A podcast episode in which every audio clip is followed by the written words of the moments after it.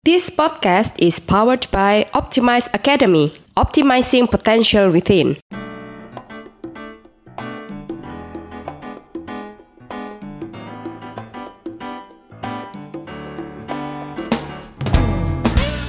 Begitu adu argumentasi, kita tidak boleh emosional.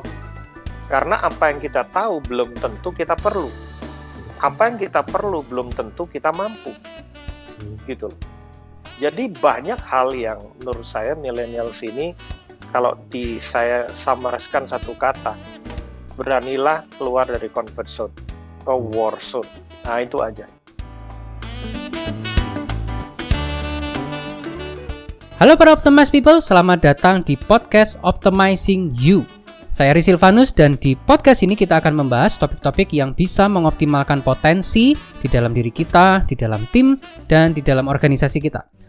Hari ini kita akan melanjutkan wawancara super spesial dari episode sebelumnya, Creating Counseling and Coaching System in Your Company. Bagi yang belum mendengarkan episode sebelumnya, narasumber kita hari ini adalah seorang doktor dalam bidang Organization Behavior dari San Beda University di Manila.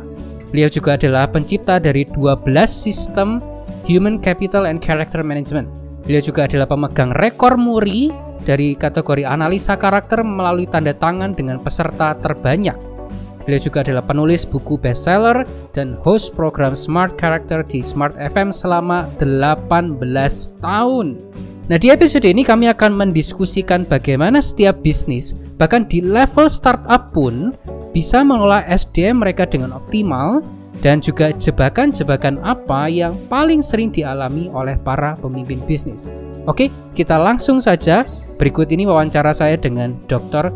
Jacob Esra. Berkaitan sama itu tadi Pak, uh, uh, contohnya tadi yang aku bilang uh, pakai tiga pertanyaan gitu ya. Uh, ini ini hipotesa saya. Apakah memang ada perbedaan antara teori pengelolaan SDM yang biasanya itu kan teorinya lebih banyak di di paling enggak sebagai orang awam kami tahunya itu kan kebanyakan dicetuskan di negara superpower seperti Amerika yang sosioekonomi level pendidikannya itu berbeda dengan kasusnya kebanyakan kota di Indonesia gitu. antara antara Jakarta dengan Surabaya aja itu kan bedanya jauh apalagi dengan kota-kota yang lain gitu. jadi pertanyaan saya sekali lagi apakah apakah ada ini nggak harus tentang 12 sistem itu Pak ya tapi tentang teori pengelolaan SDM secara umum. Apakah ada perbedaan titik kritis yang harus diwaspadai antara teori-teorinya dalam tanda kutip alanya orang barat sama teori yang sebetulnya harus dikontekstualisasikan ulang untuk konteksnya Indonesia mengingat sosioekonomi yang beda. Ada dan dalam uh, pelajaran uh, oral saya itu malah pelajaran apa Pak? Sorry. Uh, dalam pelajaran organization behavior okay. itu bahkan menjadi uh, mata kuliah yang sangat penting yang disebut uh, cultural hmm. behavior. Hmm. Jadi kalau kita berbeda culture hmm. itu sudah mempengaruhi sosioekonomi. Hmm.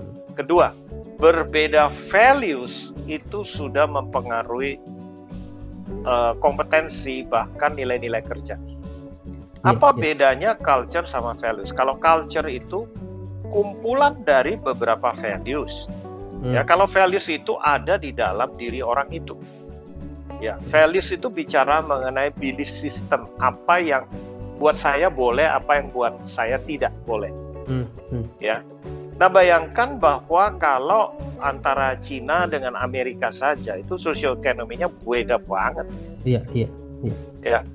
Jadi, kalau orang China suruh lembur itu nggak masalah orang ya. Amerika nggak mau hmm. uh, kalau orang Indonesia mau juga sih mirip orang China tapi dikat bayar sedikit juga ya ada yang mau ada yang tidak gitu. makanya disebut negara transisi hmm. tapi PricewaterhouseCoopers yang menarik Pak Eri dan hmm. rekan-rekan hmm. sekalian ya itu meramalkan 2025 Indonesia akan mengalahkan Singapura bahkan menjadi nomor satu di Asia Tenggara Asia Tenggara ya hmm, hmm, ya hmm. tidak termasuk Jepang Korea Cina enggak, Asia Tenggara mengalahkan Brunei Malaysia Vietnam. Mengalahkan ini maksudnya dalam arti apa Pak? Uh, income per kapita nomor okay. satu, ya. Kedua uh, perputaran uang, hmm. ya. Ketiga total aset, ya. Dan uh, sumber daya alam Indonesia ini memang bahkan di dunia paling kaya. Iya iya. Ya, cuma tidak dikelola aja. Nah, ya, rencananya ya. ini udah lima tahun lagi nih. Iya. Walaupun tentu aja itu pasti ada unsur disparitasnya Pak ya. Jadi antara ya, pasti satu persen paling atas, 10 persen paling atas sama 90 persen sisanya gitu ya. Cuman tetap ya. aja itu akan berdampak karena uh, secara negara itu akan lebih dipercaya sama dunia internasional kurang lebih gitu ya. Ya, karena uh, survei itu dikeluarkan oleh badan yang berlisensi semacam PricewaterhouseCoopers ya orang mau dengar sih. Iya, iya. Kalau itu sampai salah kan nama baik uh, PricewaterhouseCoopers yang bermasalah. Hmm, hmm, hmm. Gitu. Jadi sosioekonomi itu uh, dipengaruhi oleh culture, kemudian values. Yang ketiga yang menarik ini, yaitu kompetensi. Oke. Okay. Jadi yang disebut kompetensi itu kan ada tiga macam ya, ada hard skill, managerial skill, kemudian soft skill. Hmm. Nah, Prof Kasali barusan ini mengeluarkan enam skill baru yang dikeluarkan setelah pandemik ini. Oke. Okay. Ya, di mana kebanyakan itu teknologi, teknologi ya tentang IT dan lain sebagainya. Ada di buku apa itu Pak? Uh, beliau nggak belum tulis di buku ya beliau baru uh, nulis apa apa bukan nulis apa itu kasih kayak video singkat begitu. Oh oke okay. bisa nanti saya bi nanti bisa saya sharekan ke Pak Eri dan bisa okay. dibagikan. Jadi yeah. empat itu bicara mengenai uh, dua bicara mengenai anti, dua bicara network, dua bicara mengenai self discipline. Ulang lagi Pak, dua ya. bicara tentang dua bicara mengenai uh, skill yang baru IT itu IT. harus. Ya IT saya nggak ingat ya hmm. yang dua itu bicara network ya. okay. social yang dua lagi bicara self discipline karena eh, orang-orang uh, tidak lagi menjadi employee tetapi hmm. mereka disebut ini ciptaan beliau ya hmm. yaitu intrapreneur intrapreneur oke okay. ya intrapreneur itu adalah orang yang bekerja di sebuah organisasi yang punya modal besar, tetapi dia sendiri mengembangkan skillnya di situ dan dia dibayar berdasarkan skill tersebut. Hmm. Hmm. Ya, dan itu tidak ada lagi gaji pokok, Pak. Oke. Okay. Dia dikasih kerjaan seberapa, nilainya berapa, dia mau ambil atau tidak. Proyek gitu sistemnya berarti ya. Betul, betul. Nah itu membedakan sosioekonomi antara China, Amerika atau negara yang sedang berkembang.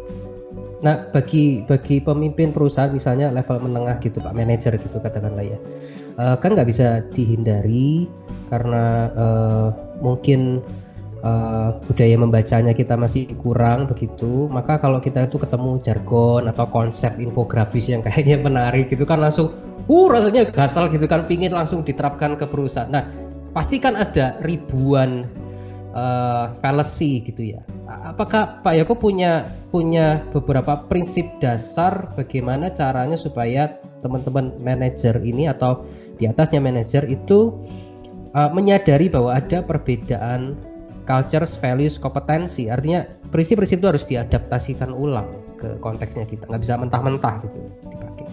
Uh, saya berangkat dari uh, kebenaran yang hakiki, yaitu hmm. Alkitab sebagai firman Tuhan.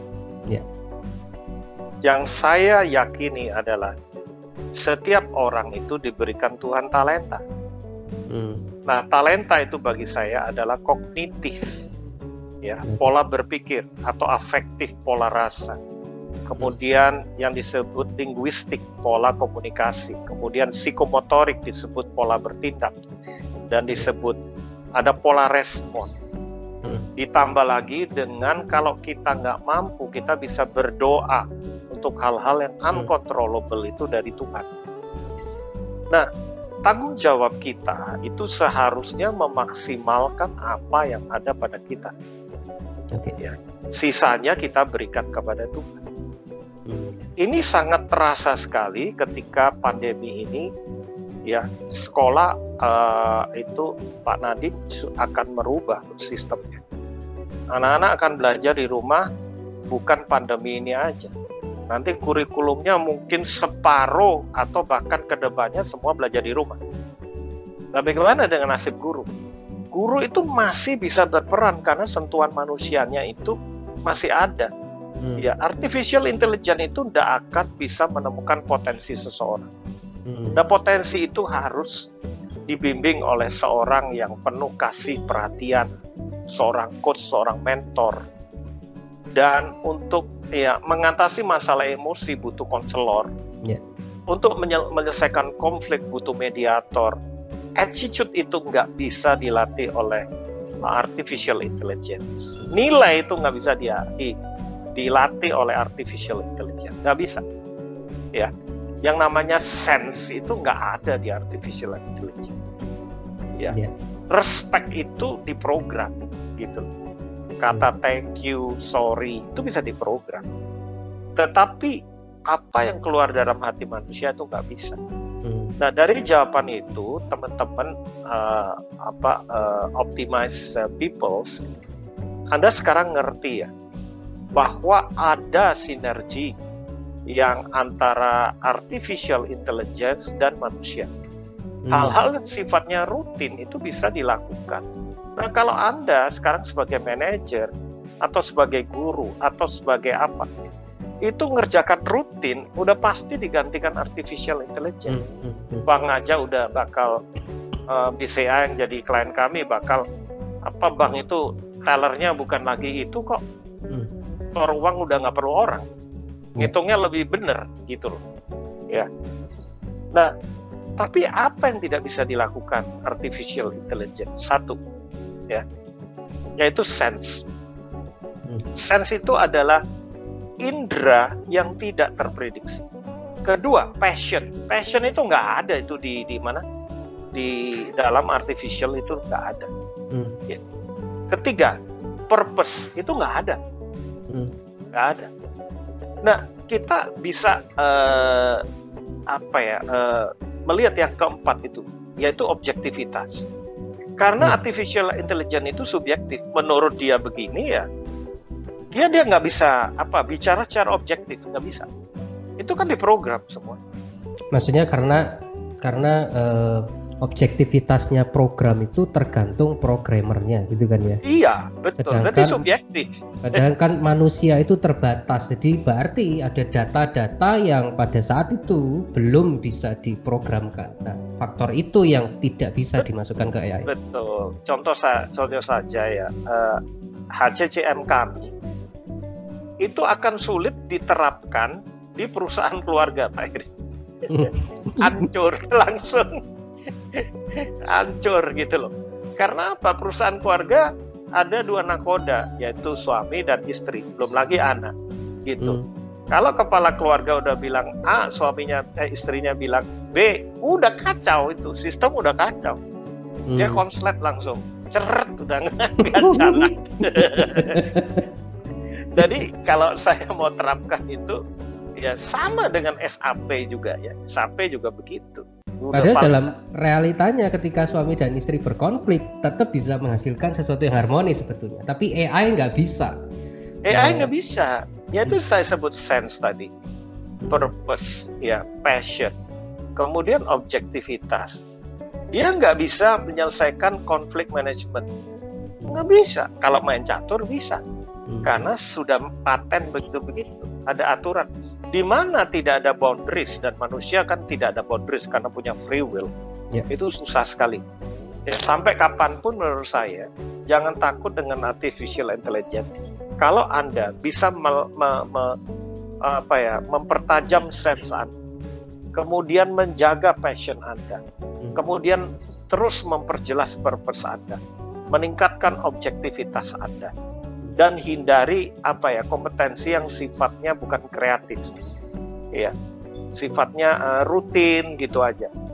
Boleh enggak Pak kalau misalnya saya simpulkan begini kadang-kadang ketika uh, kita tuh tidak betul-betul paham tentang bagaimana mengelola manusia beberapa orang mungkin mengasumsikan mengelola manusia itu bukan science jadi semacam ya dari tradisi turun temurun gitu maka ketika ada konsep-konsep berupa infografis gitu yang keren-keren dan relatif mudah dipahami kita temukan di Instagram gitu gitu terus kita memperlakukan manusia itu sebagai sebuah barang kayak dipaksakan dimasukkan ke teori itu. Nah, itu yang mengakibatkan kita jadi kehilangan sense, passion, purpose, objectivitas dalam dalam kapasitas kita sebagai seorang pemimpin manusia gitu kan ya. Betul, betul sekali Pak Erik, betul jadi, sekali. Jadi Dan, pada uh, ya pada akhirnya uh, dulu kan uh, waktu revolusi industri kan dulu man nomor satu kan. Ya. Ya. Kemudian method dan mesin. Kemudian terjadi perputaran mesin nomor satu, man nomor tiga. Nah saya percaya ke depannya kalau manusia dalam perilmu perilakunya itu bisa memahami apa yang tidak dilaku, bisa dilakukan oleh artificial intelligence ya tidak hidup dalam zona nyaman terus yeah. itu pasti bisa dia menguasai. Dan itu sudah terjadi di negara Korea misalnya. Di. Jepang. Itu dua negara atau di China. Yang terus berlomba bahkan menurut saya itu di luar uh, apa ya uh, kekuatan manusia ya. Itu itu saya tidak setuju ya. Hmm. sampai China itu bikin matahari buatan dan yeah, lain yeah. sebagainya. Itu udah udah kelewatan lah. Hati-hati itu itu pentingnya ya. kita punya boundaries kembali lagi ke kebenaran yang hakiki tadi ya. Iya iya. Firman betul Tuhan. sekali. Betul sekali. Ya kalau di eh, di beberapa negara itu dilegalkan ngambil organ tubuh manusia. Ya bahkan di China sudah diciptakan uh, jantung buatan, paru-paru buatan, ya usus buatan, ya bahkan telur buatan, hmm. ya. Uh, saya yakin ada titik kritisnya yang kita nggak sadari bahwa satu kali itu akan meledak dan akan musnah sih. Gitu. Percayalah bahwa kita adalah makhluk ciptaan Tuhan yang tertinggi, yang punya tiga macam otak itu, hmm. ya yaitu reptilian, kemudian mammalian dan neocortex. Dan kalau kita menggunakan neocortex kita dengan benar sesuai dengan kebenaran, itu nggak sampai lah kebablas begitu. Hmm. Oke Pak. Nah bicara tentang tadi itu kan uh, sangat kompleks dan kesannya itu ya paling nggak percaya itu heboh wah keren gitu kan ya. Cuman buat generasi saya ini kan uh, generasi startup kami ini banyak memulai bisnis relatif dari nol dengan manpower yang eh, relatif sangat-sangat sedikit, tidak terlalu kompleks. Nah, problem dananya juga sangat terbatas, bahkan sering kali kan pinjem gitu kan ya. Uh, nah, pertanyaan jadi gini Pak, dari 12 sistem tadi, mana yang menurut pengalamannya Pak Yakub selama 15 tahun di Power Karakter itu sistem yang paling sering disepelekan sengaja atau enggak sengaja? Kedua belas. Kedua belas. Kedua belas. Tujuh Ada fungsi. tujuh fungsi leader. Hmm. Yang pertama, ya startup itu harus punya kompetensi sebagai validator. Hmm. Fungsi validator. Hmm. Validator terhadap barang, orang, situasi. Okay dia bisa membedakan mana orang yang tepat, situasi yang tepat, dan barang yang tepat. Kedua, sebagai managers. Hmm. Ya, fungsi manajer itu bukan posisi ya, okay. tapi kemampuan untuk uh, planning, organizing, actuating, dan controlling. Dan ada empat ya, karena manusia itu penuh dengan konflik. Tadi yang saya sebutkan, fungsi sebagai trainer itu adalah fungsi pintu pembuka karena nggak bisa langsung coach ya hmm. nanti dari training itu langsung bisa diketahui mana yang minat mana yang tidak kemudian Arti, fungsi coach artinya orang harus tahu dulu sebelum diukur tahu dulu apa enggak, gitu. betul betul tahu paham kemudian baru bisa ahli dan berpengalaman ya ya ikutin belum taksonomi itu ya betul belum taksonomi Kemudian ada lagi yang namanya uh, mediator, konflik management. Ya. Dan saya sebut tadi mentoring. Nah, mentoring itu sebetulnya life uh, management ya. Bicara life management itu kalau di kantor itu nggak bisa atau di startup pun nggak bisa kita cuma ngomong bisnis aja.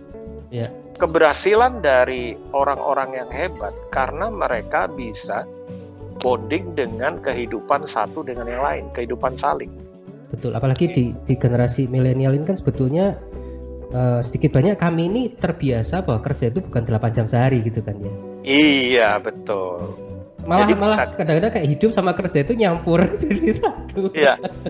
Uh, mungkin Pak Eri sekarang tahu bahwa uh, skripsi nggak dikerjakan sendiri, hmm. ya bisa tiga orang, hmm. ya. Kemudian anak-anak SD pun PR-nya harus dikerjakan bersama-sama. Ya. Nah itu sudah diakselerasi sedemikian rupa supaya ke depannya itu kita itu tetap sebagai makhluk sosial itu butuh orang lain dan butuh orang yang lebih tahu, lebih dewasa dalam attitude maupun dalam keahlian, butuh mentor. Ya, solusinya dari tidak tahu menjadi tahu, dari tidak mampu menjadi mampu, dari tidak mau menjadi mau dan dari tidak maksimal, dari tidak optimize menjadi optimize gitu. Nah, itu dibutuhkan. Itu sebabnya sekali lagi ya saya sangat merekomendasi ya kemaksimalan hidup itu tidak tergantung dari seberapa pintar Anda. Tidak tergantung seberapa kaya Anda, seberapa bahagia Anda, tidak. Tetapi optimas itu adalah holistik total. Ya. Apakah kita sudah menemukan predestinasi hidup kita? Destinasi itu yang membuat kita hidup itu enjoy, easy, dan fruitful bukan berarti tanpa kesulitan bukan berarti tanpa merasa susah gitu pak ya. Tapi at the end of the day we enjoy what we do gitu. Uh, saya pesan buat para startup. Kalau anda takut menderita nggak usah main startup. End hmm. up aja. Apa tuh? Karena generasi milenial saya ngelatih di bank-bank Pak Eri ya di perusahaan-perusahaan klien kami yang namanya startup di bawah 30 tahun itu nggak mau susah. Apalagi maaf ya, yang lulusan luar negeri, yang hidupnya udah tertata semuanya. Begitu masuk perusahaan orang tuanya, amburadul, mereka butuh sistem. Tapi millennials tidak sadar untuk sebuah perubahan itu butuh pengorbanan. Mungkin karena butuh itu kesabaran. Tadi. Ya terjadi perbedaan sosioekonominya itu ya. Mereka kan e, belanja dan tanda kutip belanja ilmu konsep culture values tadi itu kan dari barat. Yang kurang lebih infrastrukturnya beda UMR-nya sana aja sudah bisa beli apa pun gitu. Sini di gaji manajer belum tentu bisa beli banyak hal gitu. Dan, dan dan mental yang berbeda itu terus diboyong dibawa ke Indonesia jadi nggak match gitu pak ya Ya kalau istilah kerennya itu gunakan prefrontal cortex lah di analisa itu, gitu loh. E, milenial itu males nganalisa gitu. Hmm. gitu. Maka saya bersedia diwawancarai oleh Pak Eri karena bagi saya beliau ini jenius gitu loh. Prefrontal cortexnya itu dipakai gitu. Jadi kenapa begini, kenapa begitu? Beliau sering apa adu argumentasi dengan saya bukan berarti tidak setuju tetapi mengasah Nah, begitu adu argumentasi, kita tidak boleh emosional. Karena apa yang kita tahu belum tentu kita perlu. Apa yang kita perlu belum tentu kita mampu. Gitu.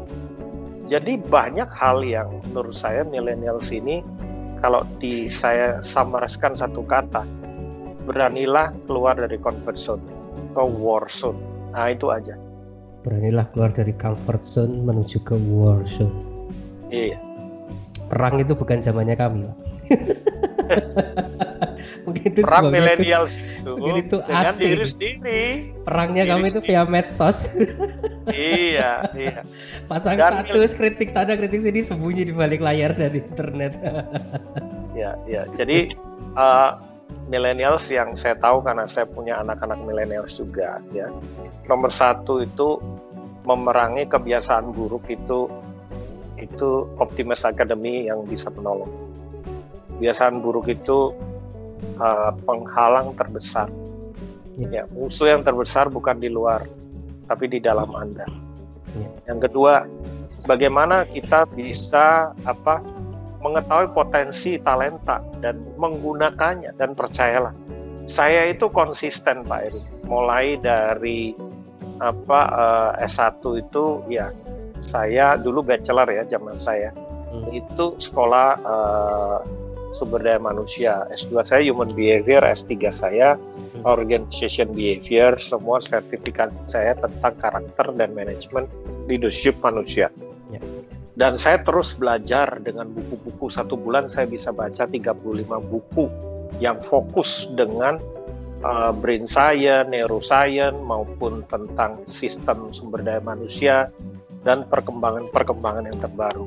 Nah, apakah milenial mau seperti itu? Kalau mau mengalahkan kami harus lebih banyak praktek daripada baca. Itu. Ya. Pak, ini saya masih punya waktu sedikit. Saya mau pindah dari uh, eh, HCCM atau power karakter ke pribadinya Pak Yakub gitu boleh Pak ya? silakan. Tentu aja um, kalau nanti misalnya ada topik-topik yang Pak Yakob merasa keberatan, silakan tinggal ngomong. Nanti pasti kita skip ke pertanyaan selanjutnya. Saya gitu Pak ya. ya, ya. Oke. Jadi gini Pak, uh, hal menarik dengan mewawancarai Pak Yakob itu karena perbedaan usia di antara kita gitu, gitu kan ya.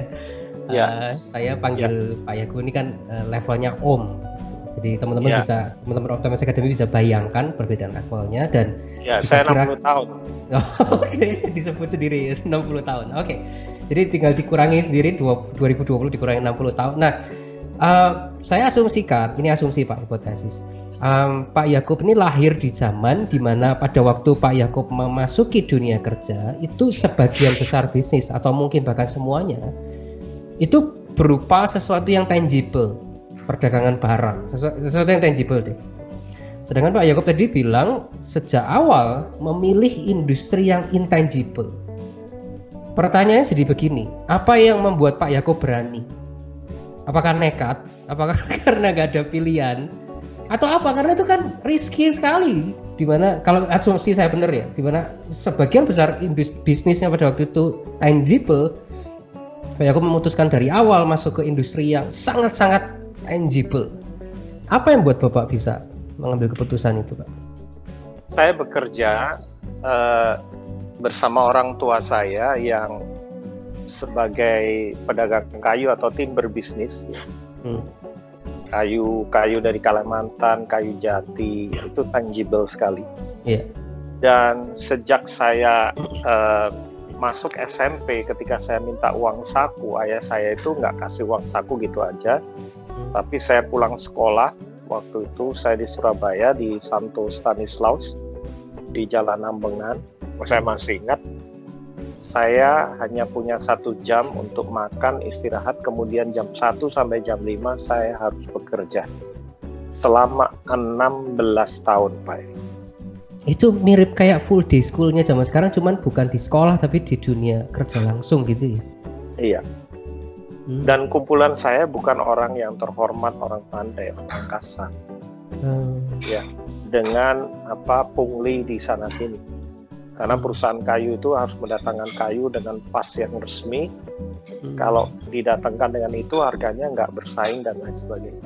Hmm. Dari kecil saya terlatih human behavior. Saya hmm. melihat bagaimana uh, orang-orang itu melakukan per, pertempuran dengan celurit dan lain sebagainya itu ngeri sekali. Hmm. Saya mengalami rasa dikhianati, ditipu, di abuse dan lain sebagainya. Hmm. Sampai uh, eh, self defense saya terbentuk.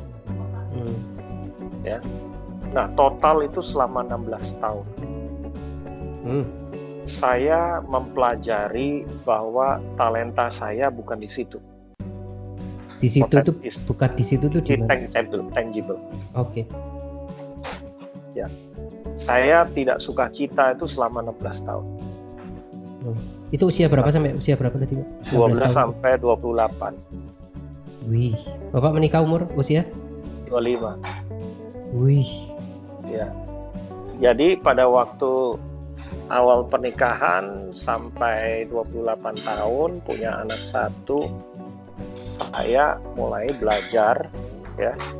Uh, saya S2 kan belajar hmm. S2 itu di uh, mulai di Manila ya sebagai human behavior dan mengerti bahwa saya tuh talentanya memang di intangible. Hmm. akhirnya saya switch. Saya izin dengan orang tua saya dan saya uh, kasih perusahaan. Kayak saya itu manajer-manajer saya tinggal dan saya belajar uh, sambil bekerja saya dimentor oleh orang Singapura namanya Mr. Wee Tiang Hao ya orang Singapura selama 10 tahun masih ada pak ya atau masih ada itu dia uh, bisnisnya IPP Investment Protection Planning hmm. bisa dicek with yang how gitu di komputer ya, ya. jadi 10 tahun saya diajarin uh, bisnis intangible nah hmm. Saya bisa baca tanda tangan sampai dapat muri itu beliau guru saya. Hmm. saya masih ingat bahwa saya disuruh belajar dalam setahun itu seri, baca seribu tanda tangan. Satu hari tiga lah kurang lebih. Hmm. tapi saking semangatnya saya bayar belajar tiga ribu. Karena satu hari saya belajar 10 tanda tangan. Dan setelah setahun saya diadu saya menang. Dan akhirnya sampai hari ini saya gunakan dan waktu ditantang eh, tahun 2013 itu bagaimana kalau baca tanda tangan 300 dalam waktu satu jam saya tolak. Ketika ditawari bagaimana kalau baca tanda tangan seribu tanda tangan dalam waktu satu jam? Saya terima tantangan itu di unit saya. Saya bikin sistem tim kerja dan akhirnya ya syukur pada Tuhan saya dapatkan muri itu di 2016 ya. jadi uh, untuk mendapatkan destinasi menurut saya itu tidak gampang melalui jatuh bangun pengalaman waktu itu nggak ada tes-tes yang yang gimana ya. Yeah, yeah. Saya baru mengalami tes itu uh, umur 27 28 itu sama teknologi Singapura nih. Dia hmm. bilang kamu gak cocok ini kerjaan sebagai tukang kayu nih. Gitu. Padahal aku pikir kan tukang kayu itu seperti Yesus. Hmm. ya udah, akhirnya saya belajar uh, finance waktu itu. Saya belajar tentang people management, saya belajar mengenai properti, bicara mengenai leadership management, hmm. dilatih 10 tahun. Hmm. Nah, investment. Nah, Jadi sebetulnya bukan seperti kalau di kami itu kan terkenal dengan uh, semacam blindly follow your passion gitu kan, atau bahasa sehari-harinya lebih ke arah nekat. Pokoknya aku merasa sukanya sana terus sekedar ikutin apa yang terjadi di sejarahnya Pak Yakub ini sebetulnya uh, terus terang saya kalau nggak bertemu dengan mentor saya Mr. Wee itu saya mungkin masih nggak uh, tahu apakah saya ini intangible atau tangible itu sebabnya oh. penting bagi anda pendengar semua untuk anda punya mentor untuk hmm. anda punya coach ya uh, ya mohon maaf kalau saya terus-menerus promosi Optimas Academy ya karena Optimas Academy ini visi misinya jelas sekali untuk menolong orang menemukan ya eh, destinasi kehidupannya. Hmm. Itu pasti ya. Kalau Anda belum tahu ya ya follow aja gitu loh eh, produk-produk dari Optimas Academy. Saya menjadi uh, sadar bahwa saya itu bukan tangible ya ketika saya punya mentor orang Singapura. Hmm. Oke. Okay. Pertanyaan kedua, Pak. Uh, bisnisnya Bapak ini kan bisa digolongkan termasuk ke industri pengetahuan, gitu Pak ya? Ya. Nah, di negara kita harus kita akui bahwa perlindungan terhadap hak karya intelektual kita itu kan eh, nggak uh, cukup kuat cukup bikin banyak orang itu was-was untuk terjun ke industri ini gitu kan ya Nah, gimana caranya Bapak mengelola kekhawatiran dan mengantisipasi resiko pembajakan? Uh, terus terang, kalau nama perusahaan dan produk kami itu memang didaftarkan oleh direksi dan manajer saya. Hmm. Ya, tetapi uh, jangan ikutin saya. Ini jangan ikutin saya, berbahaya. Ya, hmm. saya asumsikan itu kalau untuk lukisan, saya bukan kolektor, hmm. saya pelukisnya saya itu inventor. Hmm. jadi kalau diambil ya saya kasih. Hmm. yang mau jiplak foto karakter itu banyak. Bahkan saya suruh silakan gitu. Hmm. nanti saya bikin lebih bagus lagi. Ya mungkin Pak Eri tahu uh, The Magician Reveal. Itu sampai orangnya mau dibunuh. Karena semua trik sulap dibuka semua di terakhir ternyata dia orang Chinese Amerika yang dia bilang ya Anda silakan bunuh saya tetapi tujuan saya agar apa permainan sulap ini lebih maju dan lebih bagus lagi nah hmm. saya uh, apa punya prinsip kayak gitu Pak hmm. saya bukan copyright tapi right to copy hmm. ya.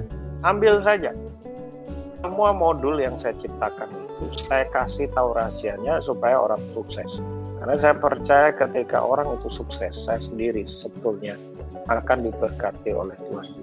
Iya, dalam dalam ranah perusahaan tetap tadi saya katakan supaya eh, apa ya perusahaan langgeng tetap ada copyright copyright yang dibuat oleh direksi saya. Tapi, Tapi saya itu pribadi, esensinya. Bukan, bukan, bukan. Ya, ketika uh, apa ya produk saya di di copy biasanya pakai nama yang berbeda sedikit kan ya saya menciptakan misalnya merah kuning hijau ungu begitu. Tapi ada merah kuning hijau biru begitu ya. Ya nggak apa-apa. Hmm. lalu saya tambah lagi merah kuning hijau biru dan hitam. Bakal enam nanti. Ya. Jadi saya bikin aja begitu. Ya. Hmm. Bahkan ada yang kompetitor jual 50 ribu misalnya. Saya kan sekarang ini dari 150 ribu saya rencana dengan apa perusahaan tahun depan saya gratis Pak. gratis nah income-nya dari mana ya itu yang tidak bisa dibayar oleh artificial tidak bisa dilakukan oleh artificial intelligence konsultasi sentuhan manusia sense-nya objektivitasnya passionnya itu hanya bisa dilakukan oleh manusia. Ya. Jangan takut ada ada modernisasi asal anda mau belajar ilmu manusia itu sendiri. Ya, tinggalkan hal-hal rutin. Sehingga bagi teman-teman yang uh, sudah berkecimpung atau merasa ingin berkecimpung di dunia uh, uh, pengetahuan, kuncinya adalah jangan jadi uh, trader informasi, tapi justru jadilah produsen pengetahuan. Iya. Betul. Ya, bagi saya ya, lebih senang jadi inventor daripada kolektor. Ya, daripada jadi pedagang, jadi produsen. Iya. Kenapa kalau gitu Pak aku baca buku begitu banyak? Loh, buku itu mempersingkat waktu. Karena untuk nulis buku itu kan kadang setahun. Ya. Dan kehidupan pengalaman orang tersebut ditulis dalam 300 halaman dan saya bisa speed reading dalam waktu tiga jam misalnya saya bisa membaca mungkin tiga tahun kehidupan dia, skill dia, hmm. gitu loh. Dan itu tidak saya pakai semua. Saya ambil esensinya, saya modifikasi, ya. Memang di hmm. kitab pengkhotbah 1 ayat 19 di dunia ini nggak ada yang baru, semuanya harus masuk ke esensi.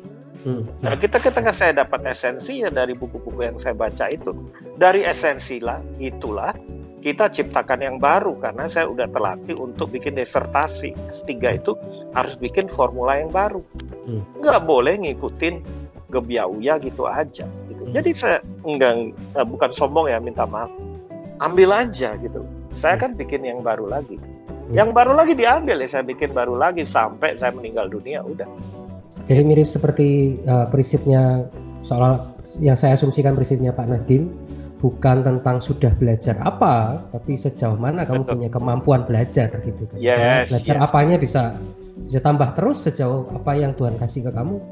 Betul. Makanya bagi manajer, supervisor, guru ya, kalau Anda terus cuman itu-itu aja, Anda nggak belajar ilmu manusia. Anda nggak belajar yang namanya sense, passion, ya objektivitas, ya purpose anda akan terlindas, pasti terlindas. Okay. Saya Buat... usia 60 tahun, percayalah bahwa Anda harus maksimal, harus optimal. Usia 60 tahun, beliau Pak Yakub masih baca buku sebulan berapa tadi Pak bilangnya? 35. Tiga. Iya saya pernah nemenin menemani Pak Yakub ke Gramedia itu dua keras penuh gitu ya mungkin karena beliau generasi senior tidak terbiasa e-book. Tapi poinnya bukan itu. Poinnya adalah di usia 60 tahun yang kebanyakan orang merasa sudah tahu segalanya Pak Yakub ini masih membaca puluhan buku karena merasa masih belum banyak tahu. Oke Pak. Dua pertanyaan terakhir Pak. Karena ini sudah mendekati jam akhir. Uh, pertanyaan ini Pak, apa kesalahan terbesar yang Tuhan izinkan Pak Yakub pernah lakukan dan pelajaran berharga apa yang Pak Yakub ingin sampaikan ke generasi yang lebih muda dari pengalaman kesalahan itu? Ada tiga yang saya ingat terus-menerus dan tidak mau saya lakukan lagi. Hmm. Ya. Saya memberikan kepercayaan pada orang yang salah. Hmm. Di mana orang itu akhirnya mengkhianati saya. Sakit sekali, Pak. Hmm. Sakit sekali. Kita nggak pernah tahu apakah kita akan dikhianati, tapi sebetulnya time will be a witness gitu. Hmm. Ya. Dan adalah salah kalau kita menjadi penanggung bagi orang yang baru kita kenal. Nah itu itu itu parah sekali. Saya mengalami sampai apa ya kehilangan uh, nama baik dan lain hmm. sebagainya. Yeah. Yang pertama. Yang kedua itu ketika 16 tahun saya tidak hidup di dalam destinasi saya. Saya menyesal hmm. kenapa harus ketemu 28 tahun. Ya. Ada namanya uh, apa ya, Saudara Devin itu penemu dari Itani. Ya. Hmm. Hmm. Itu sekarang baru umurnya 20-an. Dia umur menemukan destinasinya umur 16 ya. dari Stanford University. Jadi ya kalau Anda tidak ketemu dengan destinasi Anda, Anda akan membuang waktu dengan sia-sia. Anda hanya mengcopy paste yang Anda inginkan, sama Anda lihat. Ya. Padahal Tuhan itu sudah menetapkan sesuatu di dalam diri Anda. Hmm. Pak Eri per percaya nggak? Saya pernah ditawari oleh Gallup, perusahaan gede itu. Tahu tahu. Untuk iya, untuk memimpin Indonesia itu dengan gaji ratusan juta. Saya udah wow. dapat dari LinkedIn. dalam hitungan detik aku tolak. Kenapa? Aku udah enjoy. Aku udah enjoy. Aku punya banyak klien uh, yang mau hire saya jadi direktur utama atau minimal komisaris independen. Saya tolak juga. Kenapa? Hidup saya bukan bahagia karena uang. Hidup saya optimal karena talenta dan karunia yang saya gunakan bagi sesama. Itu kebahagiaan saya. Yeah. Jadi ketika 16 tahun saya nggak menemukan itu, itu adalah penyesalan seumur hidup. Dan untuk menemukan itu sebetulnya ya kalau bisa punya ilmu, sekolah tinggi-tinggi itu bagus, tapi yang poin pentingnya adalah punya mentor gitu ya. Betul, betul sekali. Nah, kenapa harus 28 tahun ya? Zaman dulu baby boomers ya susah sekali sih. Ya, ya itu saya percaya karena kemurahan Tuhan. Nah, yang ketiga yaitu ketika uh, saya apa ya uh, tidak memperhatikan anak-anak saya dengan baik. Jadi sebagai orang tua uh, saya pernah mengalami kegagalan uh, apa ya anak-anak itu nggak penting yang lebih penting pekerjaan. Saya merasa gagal sehingga ketika anak saya ketiga itu mau ke Singapura sekolah chef ya dia sebelum berangkat rekonsiliasi dengan saya dan di situ rasanya dunia runtuh bahwa ternyata eh, apa ya sekolah saya keberhasilan saya di perusahaan di publik itu sebetulnya nggak ada artinya di depan anak saya gitu. hmm. ya keluarga betapa pentingnya keluarga untuk uh, kita hidupi gitu kalau anda belum berkeluarga ya dekatlah dengan saudaramu orang tuamu hmm. kalau an anda sudah berkeluarga ya jagain menjadikan prioritas utama keluarga ya untung anak saya itu mau bicara dan sekarang sudah rekonsiliasi, sudah dipulihkan lagi. Ya pahit sekali sama saya. Karena okay. saya anggap anak itu karyawan atau orang bisa kita manipulasi gitu kan. Tanpa itu, sengaja ya? Uh, tanpa sengaja, kalau sengaja gila banget. iya, iya, iya. iya. Jadi kadang-kadang walaupun kita secara manusia tahu banyak di sana, tapi ya itu salah satu bukti manusia butuh Tuhan ya. ketahuan kita justru Tuhan putar balik itu jadi berhala yang pada akhirnya merugikan orang terdekat. Iya, iya, iya. Buat apa kita menangkan seluruh dunia tapi orang terdekat kita hilang? Cuma.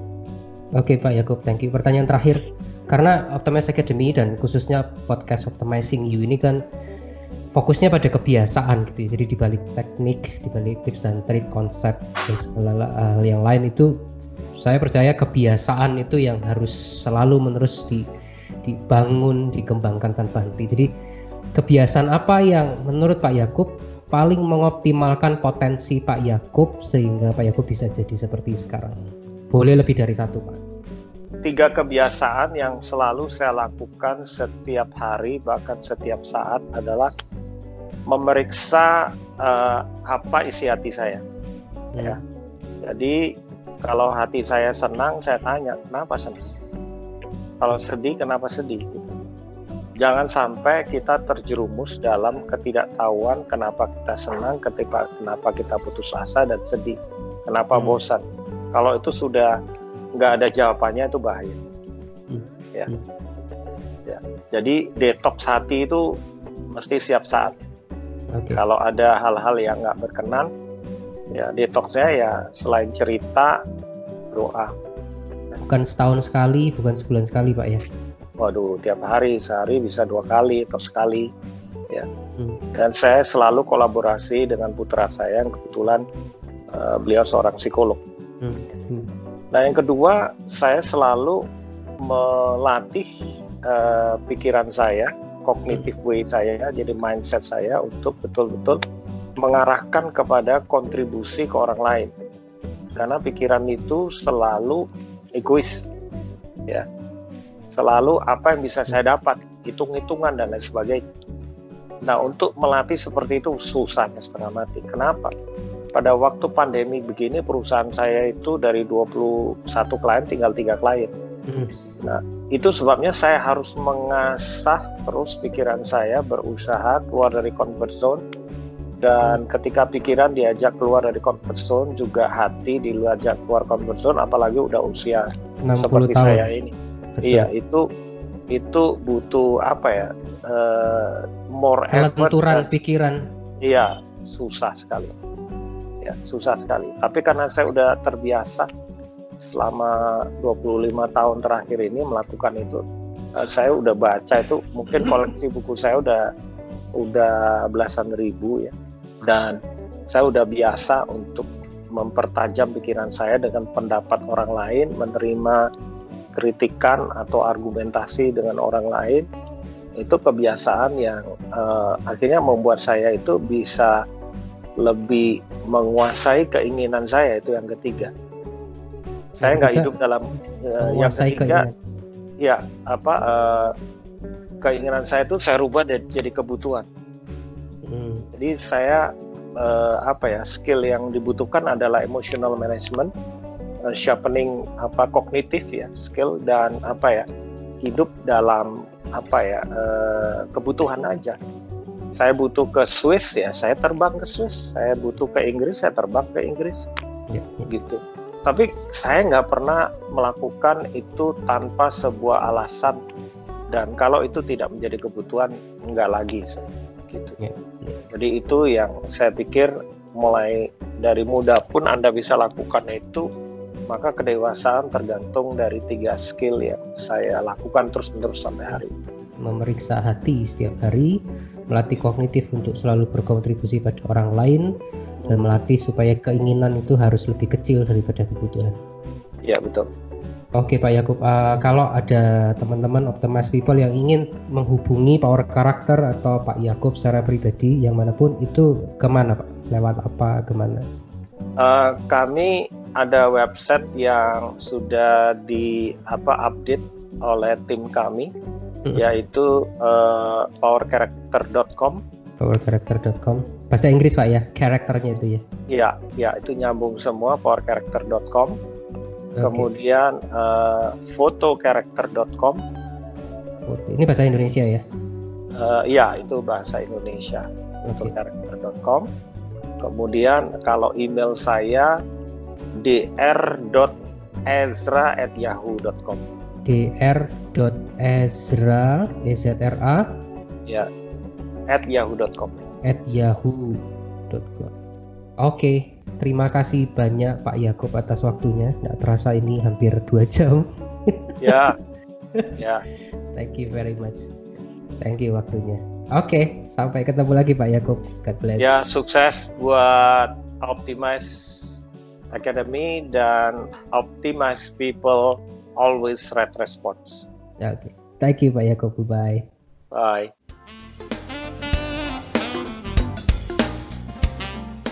Semoga seperti saya kamu mendapatkan banyak insight dari episode ini, detail mengenai alamat-alamat online untuk menghubungi Dr. Jacob Esra atau mencari tahu lebih detail tentang power character dalam bahasa Inggris itu power character bisa dilihat di deskripsi podcast ini. Buat kamu para penulis buku atau entrepreneur, fokus podcast Optimizing You ini adalah pada teori, konsep, dan produk yang dapat mengoptimalkan potensi diri, tim, maupun organisasi dan bisnis. Jadi kalau kamu ingin orang lain lebih paham mengenai produk atau layananmu, silahkan kirimkan email ke podcast.erisilvanus@outlook.com. Kalau kamu mau mendapatkan lebih banyak insight lagi, khususnya dalam hal effective human behavior, silakan ikuti akun Instagram dari YouTube Optimize Academy, di mana kamu bisa mengakses materi-materi free insight dari kami. Oke, sampai jumpa di episode selanjutnya. Saya Ari Silvanus, founder Optimize Academy, optimizing potential with it.